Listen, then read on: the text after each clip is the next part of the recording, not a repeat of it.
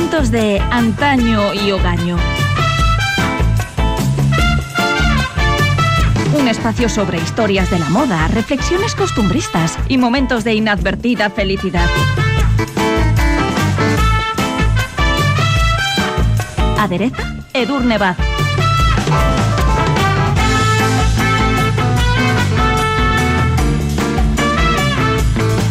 El gélido 12 de febrero de 1947, cuando los termómetros registraban hasta 13 grados bajo cero, estalló en París una bomba estilística.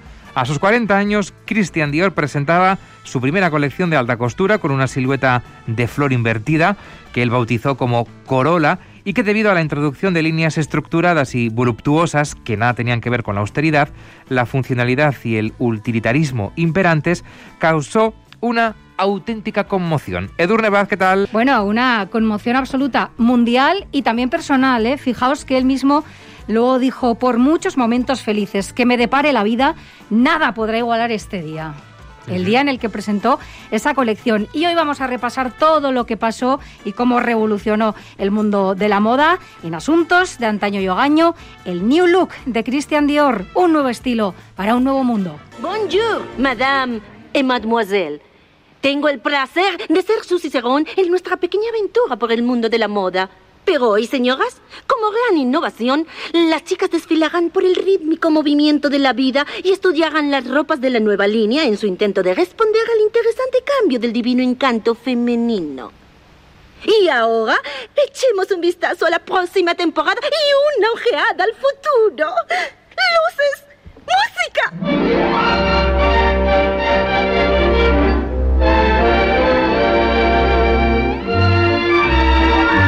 Dada su importancia crucial en la historia de la moda, hoy cuesta imaginarlo, pero la primera colección de, del, bueno, pues por aquel entonces eh, todavía muy poco conocido, aunque no debutante Christian Dior, eh, no parecía llegar a Edurne en el mejor momento. No, para empezar, pilló a la prensa francesa de huelga, así que no parecía que fuera a tener demasiada atención Repercusión, ¿no? su colección, pero tampoco le hizo ninguna falta, luego se supo porque fue Carmel Snow, redactora jefa de la revista americana Harper's Bazaar, quien bautizaría la rompedora colección con el nombre que ya ha pasado a la historia, ¿no? El New Look. Un nuevo look, una nueva silueta y la sucesora al frente de Harper's Bazaar y más tarde de la edición americana de Vogue fue Diana Brillan, en quien se cuenta está inspirado el personaje de la señorita Prescott de Una cara con Ángel y Brillan, por cierto, una figura que abordaremos cualquier domingo de estos porque lo merece, fue junto al fotógrafo Richard Avedon la máxima autoridad en la moda durante las décadas de los 50 y los 60. No puedo permitir la edición de este ejemplar tal como está. Si le diera mi visto bueno, traicionaría a la mujer americana.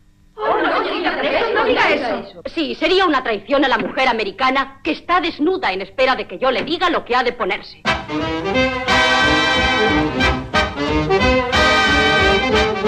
Y para comenzar este recorrido vamos a situarnos eh, precisamente en plena posguerra. La segunda contienda mundial ha terminado hace apenas eh, dos años y obviamente el mundo no afronta una gran escasez, escasez de recursos, incluidos por supuesto no los tejidos. Y ahí tenemos que situarnos para ir avanzando en la historia de Claro, Christian Dior. Eso explicaría el boom ¿no? de la presentación de Christian Dior, porque la moda masculina se había visto afectada, aunque menos que la femenina, por esta forzosa austeridad.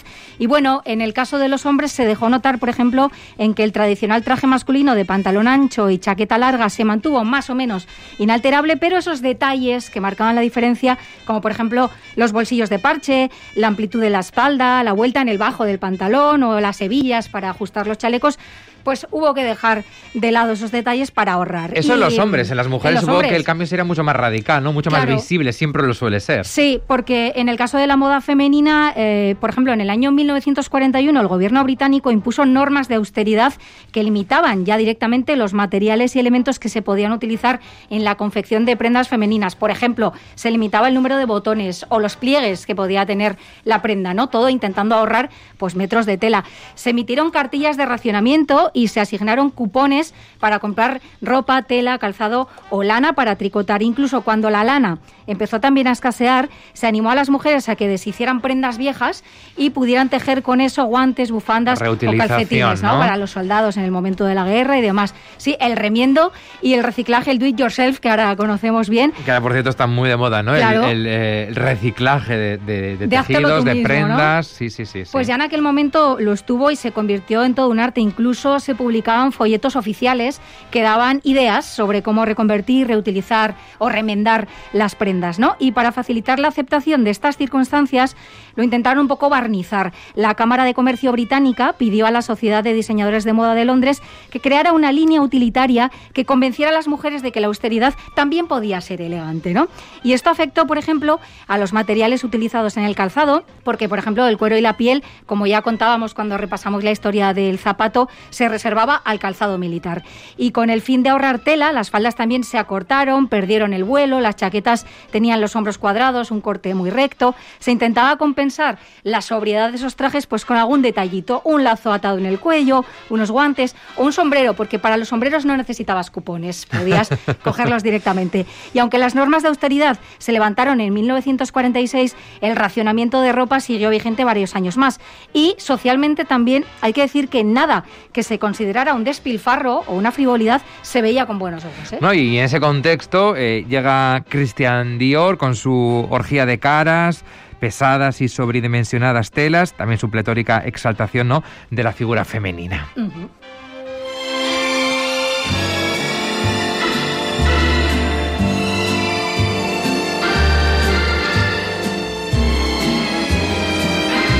Claro, las mujeres se escandalizaron, pero también se dejaron seducir, ¿no? Oh, sí. Por la fantasía, eh, la exuberancia, la extravagancia de aquellas eh, majestuosas eh, y largas faldas que está en nuestro imaginario colectivo, ¿no? De bailarina, las caderas anchas, las cinturas muy ceñidas, hombros suaves y caídos, y luego los bustos prominentes y esas grandes pamelas. Por supuesto, todo eran como líneas voladoras, ¿no? Como desafiando a tope. volúmenes. Sí, sí, sí, esas estrecheces del momento que ya, bueno, iban dejando atrás, pero no del todo, ¿no?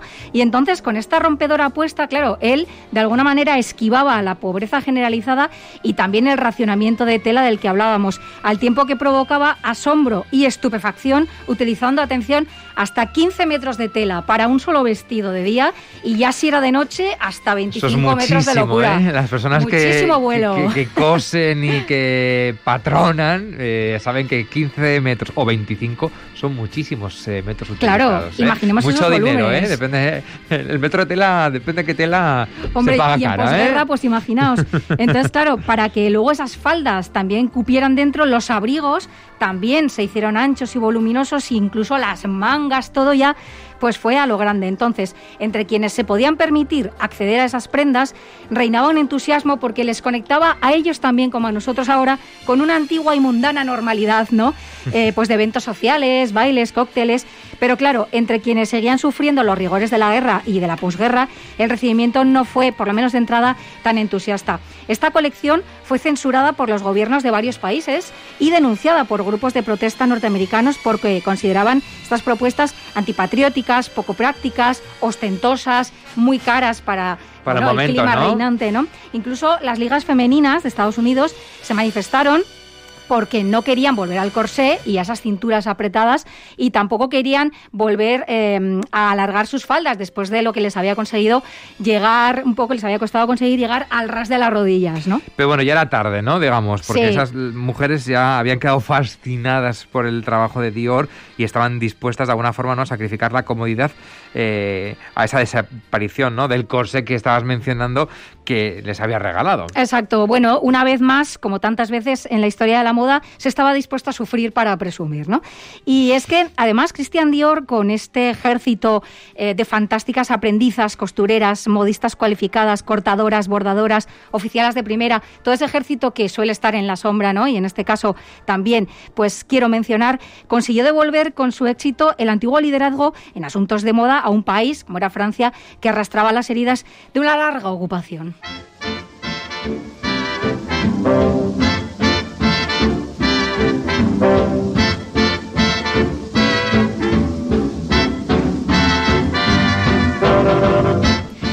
Como tú decías antes, eh, no era tampoco un chiquillo. Cuando presentó esto ya tenía sus 40 cumplidos, pero bueno, no era muy conocido. Y es que el gigante del textil, Marcel Boussac, demostrando una gran visión, se había ofrecido a financiar la apertura de la casa de alta costura de Christian Dior y la inversión la verdad es que le salió redonda porque a partir de ese momento Dior se convirtió en el nombre y la marca del éxito y además en la firma que dictaba las tendencias que después otros diseñadores iban a copiar. ¿no? Claro, al final, de alguna forma, cada temporada ¿no? él ofrecía nuevas e innovadoras tendencias y al final, ¿no? Con esa maestría que, él tenía, esa visión, esa habilidad, ¿no? Para, para que todo lo que hacía se convirtiese en noticia y, estuviese ahí, eh, podríamos llamarlo ese marketing ¿no? Eh, de, la época. De alguna forma, no sé si mantenían el deseo por, por, la, por la novedad y eso también hacía que, se incentivasen de alguna forma las ventas, ¿no? Claro, como nos pasa ahora también, novedades constantes que incentiven nuestro deseo de comprar, ¿no? En este caso él... Se esperaba con ganas lo nuevo de Dior. Sí, y además llegaba con frecuencia porque pues iba proponiendo diferentes líneas en función de la temporada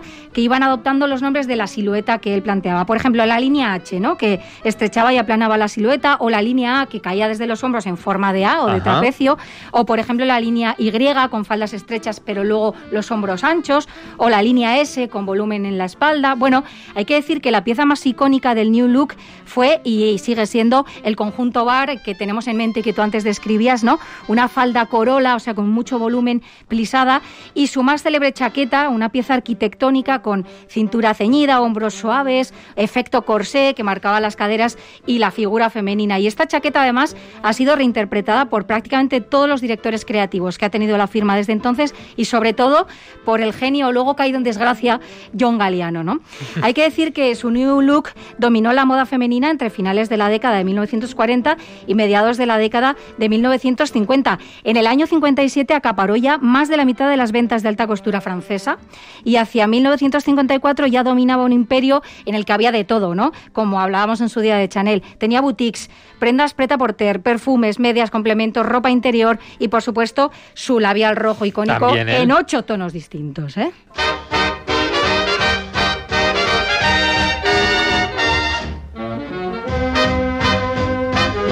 En ese momento en el que Christian Dior empieza a despuntar, a labrarse ese nombre que hoy conocemos, no sé, también se produce en ese momento otro cambio significativo y es que cada vez empieza a haber más eh, diseñadores eh, varones, ¿no? Y que de alguna forma empiezan a, acaparar la atención de todos y de Exacto. Sí, porque hasta el momento la costura estaba dominada por mujeres y ahí tenemos nombres como Lanvin, Bionet, Coco Chanel o el Saskia Parelli, pero las siguientes décadas ya iban a tener, como dices, nombres de varón, como por ejemplo nuestro. Cristóbal Valenciaga, ¿no? Nacido en Guetaria y dotado de un talento inigualable para el corte, para la costura, para el acabado. La verdad es que era un arquitecto absoluto. Y que siempre recomendamos visitar su, museo para ver las piezas, las verdaderas obras de arte, la arquitectura que hay detrás de cada una de ellas. Además, no sé si lo siguen manteniendo así, pero en alguna de mis visitas he visto cómo hay eh, vídeos, infografías que desmontan los vestidos por piezas y ves cómo van como proyectos de arquitectura. Es una auténtica fantasía. Bueno, pues ahí están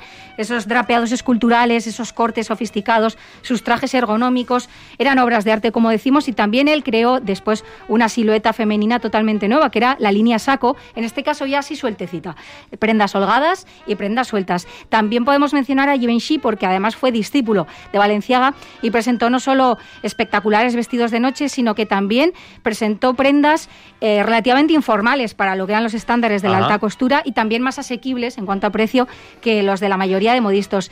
Y luego hizo piezas separadas de arriba y de abajo para que pudieras combinarlas y tuvieras más looks pues con menos piezas, ¿no? Givenchy fue el diseñador de cabecera y amigo íntimo de Audrey Hepburn, que además pues fue también su mejor embajadora, porque quién mejor va a llevar tus diseños, ¿no? Que Audrey Hepburn. Y mientras, ¿qué pasaba? Que Coco Chanel, que había liberado a las mujeres de esos incómodos rompajes de antaño, asistía con horror a este cambio. Oh, no puedes ni moverte con este armazón. Los diseñadores de hoy han olvidado que dentro de la ropa hay mujeres reales. Realizo mis diseños en base a mis necesidades.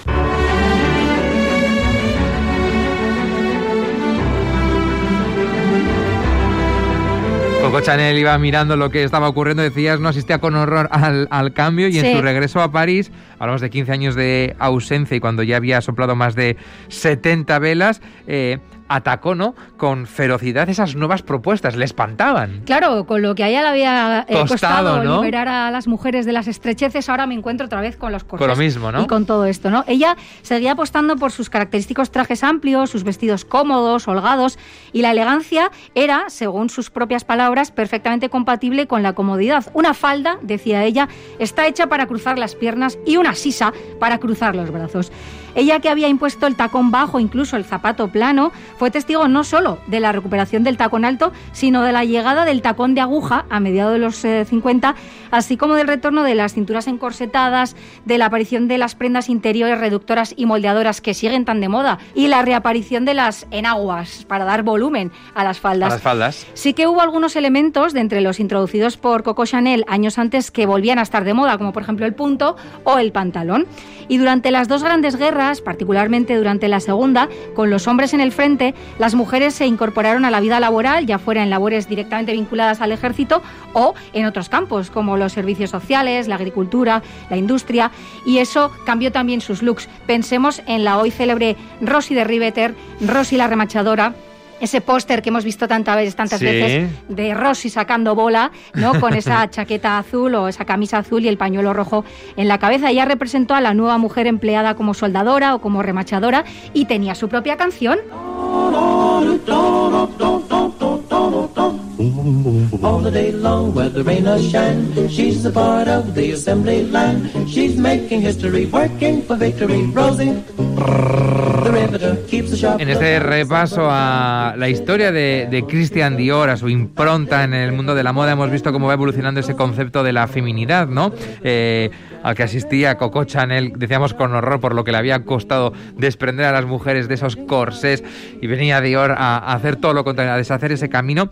Con el fin de la guerra también llega ¿no? la redefinición del concepto de la feminidad. Hay un nuevo concepto. Además que ella lo había representado, ¿no? Chanel con, cuando se cortó el pelo, propiamente un, un rasgo típico de las garzón, eh, de esas mujeres libres, eh, con un estilo masculino, sobre todo cómodo y funcional. Bueno, pues después de la Segunda Guerra Mundial cambió ese prototipo tipo y pasamos al nuevo modelo de mujer impulsado desde las propias revistas femeninas, ¿no? El de esa recatada ama de casa de los 50 que siempre está perfecta, impecable, incluso cuando está en casa. Recordemos, por ejemplo, a Brie de Camp de Mujeres Desesperadas. Brie Van de Camp, mi vecina de al lado, trajo cestas con bollería hecha por ella misma. Brie es famosa por su cocina y por hacerse su propia ropa y por cuidar su propio jardín y por tapizar sus propios muebles. Sí, las habilidades de Brie son conocidas en el barrio y todo Wisteria Lane la considera una esposa y una madre perfecta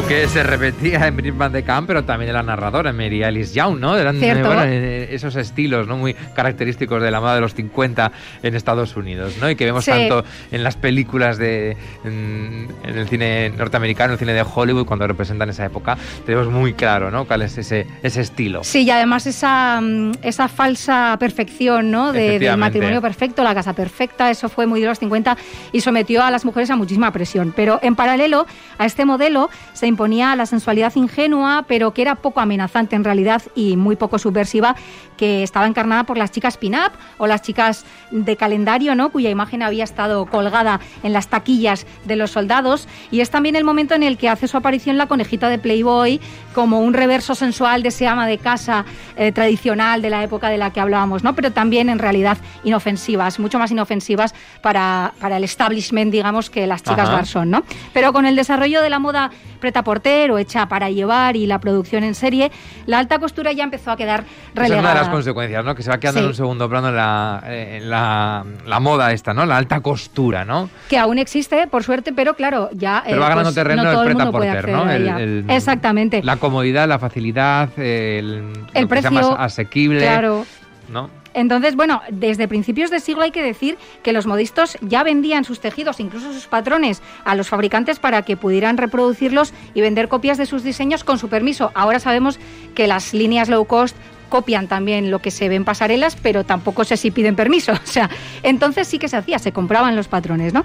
Y durante la Gran Depresión, América, por ejemplo, grabó muy duramente la importación de diseños originales de alta costura, pero no las telas. Y por eso la producción en serie norteamericana de las copias que procedían de París aumentó muchísimo. Durante la guerra, además, hábilmente vincularon este tipo de moda preta porter y accesible a los supuestos valores americanos, ¿no? La democracia, el espíritu emprendedor, la visión pragmática del mundo. Y por eso Estados Unidos empezó a liderar el mercado en calidad, producción en serie y preta porter. Pues Estados Unidos va cogiendo la delantera de alguna forma, ¿no? Y, va creando también eh, su propia su propio lenguaje en el mundo de la moda, pero eh, de alguna forma tras la liberación de París en agosto de 1944. Mm.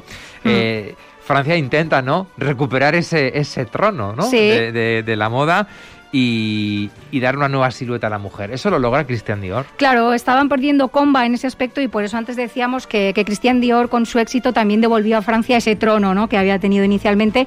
Pero hay que decir que muchos diseñadores fueron dejando de lado la alta costura para apostar por ese preta-porter más accesible y esto dicen que fue lo que sumió a Valenciaga en la tristeza y por eso decidió retirarse. Dijo, yo para no hacer alta costura no hago nada, ¿no? Ya voy a hacer mis obras de arte o no hago nada. Entonces ya vendió su firma y bueno, él se apartó, ¿no? Pero bueno, los años 50 además... era lo que quizás daba ingresos también, ¿no? Porque eh, eh, llegaba a un público mucho más amplio, Claro, era, bueno, era más barato, pero era mm, eh, mucho más masivo. Entonces, pues sí, y además es que era lo que se imponía en el momento y había cambios sociales. Por ejemplo, en esos años 50 también hubo un cambio notable en la moda que fueron las subculturas o las tribus urbanas que huían de esa uniformidad de la que hablábamos en el vestir, que también, igual que ahora, ¿no? manifestaban su disconformidad con lo convencional a través de su propia ropa. Y pensemos, por ejemplo, en los Teddy Boys o Teddy Girls, en el look de Marlon Brando en Salvaje, o James Dean, por ejemplo, en Rebelde sin Causa, los vaqueros, los looks de Elvis. Bueno, en este momento además fue cuando oficialmente se acuñó el término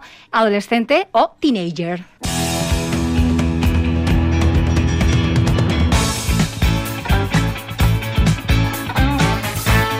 Y los diseñadores buscan ¿no? captar a ese público, esos teenagers. Claro, ellos vieron ahí la oportunidad de negocio también y decidieron lanzar ropa que se ajustara a esa demanda a precios razonables que estuvieran al, alcance de esos jóvenes y también ávidos ¿no? consumidores. Y además las actrices y los actores del momento inspiraban también estilismos de calle porque en los años 30 sobre todo habían sido prisioneros de ese aura de glamour que se les exigía ¿no? a las estrellas de cine de la era dorada de Hollywood y bueno, la gente, claro, en, en tiempos de dificultad y de escasez, pues se evadían a través del cine y de esos grandes vestuarios, pero esto ya no se llevaba. Y por eso recordamos que en esa época ya estrellas como Marilyn Monroe o Brigitte Bardot ya optaban por prendas cómodas, informales, juveniles, que inspiraban también a los adolescentes de la época. Y ahí se producen ya cambios profundos. Sí, se produce el primer cambio profundo, es que en 1957 fallece eh, Christian Dior y de alguna forma su legado tiene que pasar a manos, ¿no? Y, en ese sentido, eh, que se queda al frente de la dirección creativa de la, de la marca, ¿no? Es eh, Yves Saint Laurent, ¿no? Que también acabaría por entrar en el Olimpo de los grandes diseñadores de todos los tiempos, ¿no? Sí, luego... Lo que da la eh, gran oportunidad, ¿no? Para conocer a, a Yves Saint Laurent que hoy conocemos. Totalmente, y además, bueno, hay que decir que Christian Dior, como antes comentábamos, presentó su primera colección de alta costura con 40 años, o sea que estuvo, digamos, una década de reinado en ese trono, pero le bastó porque, bueno, este hombre, que consideran muchos no un vendedor de sueños, pues dejó una huella imborrable en la historia de la moda. Y además hay que decir, vinculando todo esto con nuestro presente, que ahora, según algunos analistas, estamos viviendo un momento bastante similar, porque la pandemia y sus múltiples rigores también han sembrado en la población el deseo de recuperar la alegría de vivir. Y se pronostica que habrá, cuando superemos la parte más dura sanitaria de la pandemia, que habrá una réplica adaptada, digamos, de los felices años 20 de entonces a los de ahora, que la gente tiene ganas también de recuperar esa alegría de vivir, de celebrar, de salir, de dejar atrás la pesadilla, pues como aquellos y aquellas celebraban el fin de la guerra, ¿no? Pues nosotros haremos lo mismo. Las colecciones de alta costura eh, por parte de grandes firmas también, por supuesto, Dior reflejan algo parecido. Hemos vuelto a ver prendas también maximalistas, mucho volumen, esa forma también de soñar como lo hizo en su día Christian Dior, con ocasiones en las que, oh, volveremos a ponernos algún vestido, algún traje así. Y estas propuestas de fantasía también hay que decir que conviven a la vez con una tendencia que es hija directa del confinamiento, que es la comodidad materializada, por ejemplo, en la llamada, me tiene muy loca, faldal. La faldal que ¿Qué es como una mezcla de falda elástica que tiene aspecto y tejido de chándal y por eso, mm, bueno, le llaman faldal. Faldal. Bueno, pues ese mix ahí de, de chándal, pero ropa de calle y que ahora, si nos fijamos en los escaparates y en las tiendas, estamos viendo mucho, ¿no? Parece que estamos casi en pijama prácticamente todo el día. La comodidad va ganando terreno. Sí, sí, Cada el confinamiento más. nos ha hecho estragos en ese más. aspecto también en el armario. Y a la vez, esa fantasía también con otro tipo de volúmenes, otro tipo de fiestas y de locura y de celebración. Hasta entonces, vamos a confiar en la labor médica y científica. Cada uno de nosotros individualmente tiene que poner de su parte para evitar la propagación también del contagio y frenarlo. Y mientras, oye, seguir soñando como, como lo hizo el propio Christian Dior, ¿no? A lo grande, ¿no? A lo grande, que todo llegará, amigos. Christian Dior, que puso en marcha ese concepto, acuñó ese New Look, un nuevo estilo para un nuevo mundo, y precisamente ahora estamos en un nuevo mundo. Sí, sí. Y veremos si O se por lo crea menos un en la nuevo transición hacia él, estilo. bueno, pues hemos querido glosar y poner en valor la figura de Christian Dior en este asuntos de antaño y hogaño, que a veces nos lleva a historias de la moda, otras a reflexiones costumbristas, pero siempre a momentos de inadvertida felicidad. Hoy esperemos que sí. Edu Rebaz, gracias. Es que ricasco, agur. Agur.